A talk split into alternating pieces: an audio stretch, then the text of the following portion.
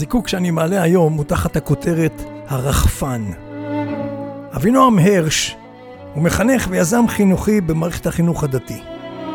הוא כבר שלח אליי כמה סיפורים וחוויות מעולם החינוך, וכמעט תמיד סיפוריו מדברים אליי. האיש לדעתי מפיץ בהווייתו נגוהות של חינוך, להבדיל מנגוהות של הוראה. אז הנה מה שהוא סיפר לי הפעם. להזכירכם, אתם הזיקוקין דינור, פודקאסט שמעלה סיפורי חיים קטנים מהחיים של כולנו, שיש בהם חומר למחשבה. מספר לכם בקולו, שוק הדינור. אז הנה סיפורו של אבינועם הרש. זו הייתה אחת מהתמונות ההזויות ביותר שאי פעם חוויתי כמחנך. עד שאני כבר מצליח להשיג ריכוז מהתלמידים, ונהיה לי שקט בשיעור, אני שומע זמזום דבורתי, וקולט בזווית עיניי רחפן קטן, כן, רחפן, רחפן קטן מתרומם מסוף הכיתה, ממושבו של התלמיד הכי לא מקובל חברתית. חשבתי שאני לא רואה נכון. רחפן בכיתה. בן אדם, מה נסגר? מה, מה, מה, מה הילד הזה חושב לעצמו? כמובן שהלך השיעור, צחקוקים וצהלות מסביב.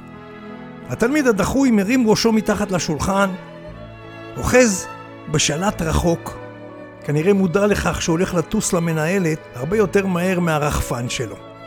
אני עדיין המום מהתעוזה. רק שפתאום חודרת אליי תובנה אחרת ומוזרה. בפעם הראשונה אי פעם, תלמידים מתקרבים אליו בסקרנות, רוצים לבדוק, לגעת, לחוש את הרחפן. הילד, הילד הזה לראשונה מוקף באהדה. בתוכי הרגעה של כעס ועלבון, והתובנה החדשה מנסה בכוח לעכב את אותם התחושות מהתפרצות. המשכתי לשתוק ולהתבונן במחזה. השיעור כבר נגמר מזמן. אחרי כמה רגעים הרגשתי שמשהו בכעס התהומי שלי קבע. בוא לכאן, אמרתי לו בשקט. כל הכיתה הביטה בו במבטי הלך עליך.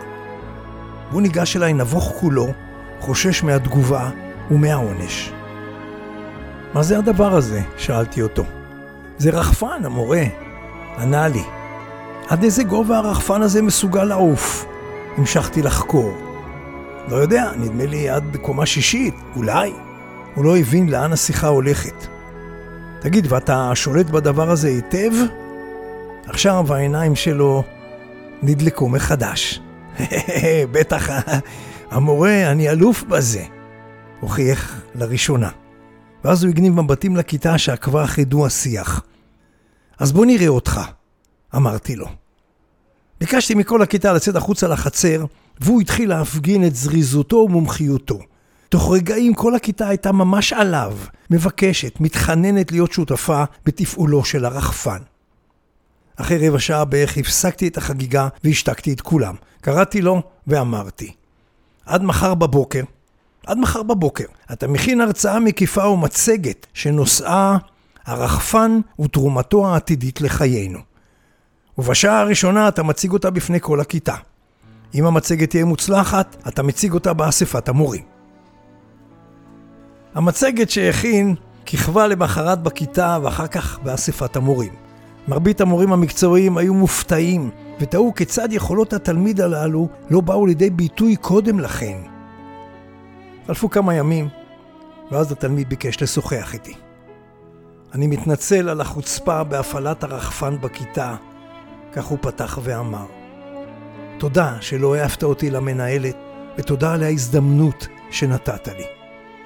אתה מבין, המורה, לא כל כך ספרו אותי בכיתה. אתמול, בפעם הראשונה, הזמין אותי יוגב לביתו. אתה יודע, יוגב הוא הכי אחלה בכיתה, והכל השתנה מאז. קיבלתי, אמרתי לו, אבל להבא, אם אתה מתכונן להנחית בכיתה מסוק או נושאת מטוסים, תשתדל לעדכן אותי קודם. סגור, הוא הבטיח לי, לחץ את ידי בחום, ואז כשהוא התרחק הצצתי בו. תחושה הייתה לי שקומתו גבעה מעט. כך כתב וסיפר לי אבינועם הרש. אני מניח שיהיו ביניכם אנשים שיאמרו, עזבו את יפי הנפש על חוצפה כזאת יש להעניש ומיד. יכול להיות, מעולם לא הייתי בעולם ההוראה. אבל אני בחרתי לשאול את אבינועם, תגיד אבינועם, מאין אתה שואב את הרעיונות, את היכולת לתגובה כל כך חריגה? הרי כל מורה סביר היה מעניש את הילד. והנה אתה המרת את הענישה בהעצמה, זקפת קומתו. אתה בוודאי מבין שהילד הזה יזכור אותך לכל חייו. תראה, הוא עונה לי, יש הרבה מחנכים שאני שואב מהם השראה. חינוך זה מעבר למה שמלמדים בפקולטות. חינוך זה גם נשמה, נשימה ואינסטינקטים. בהוראה הוא אומר, אחד ועוד אחד זה שניים. בחינוך, אחד ועוד אחד יכול להיות משהו לגמרי אחר. זה מאוד תלוי גם בתלמיד שמולך. זה מה שאמר לי אבינועם הירש. הנעימה היפה שברקע היא של להקת סיקרט גארדן, שנקראת סרנדה לאביב.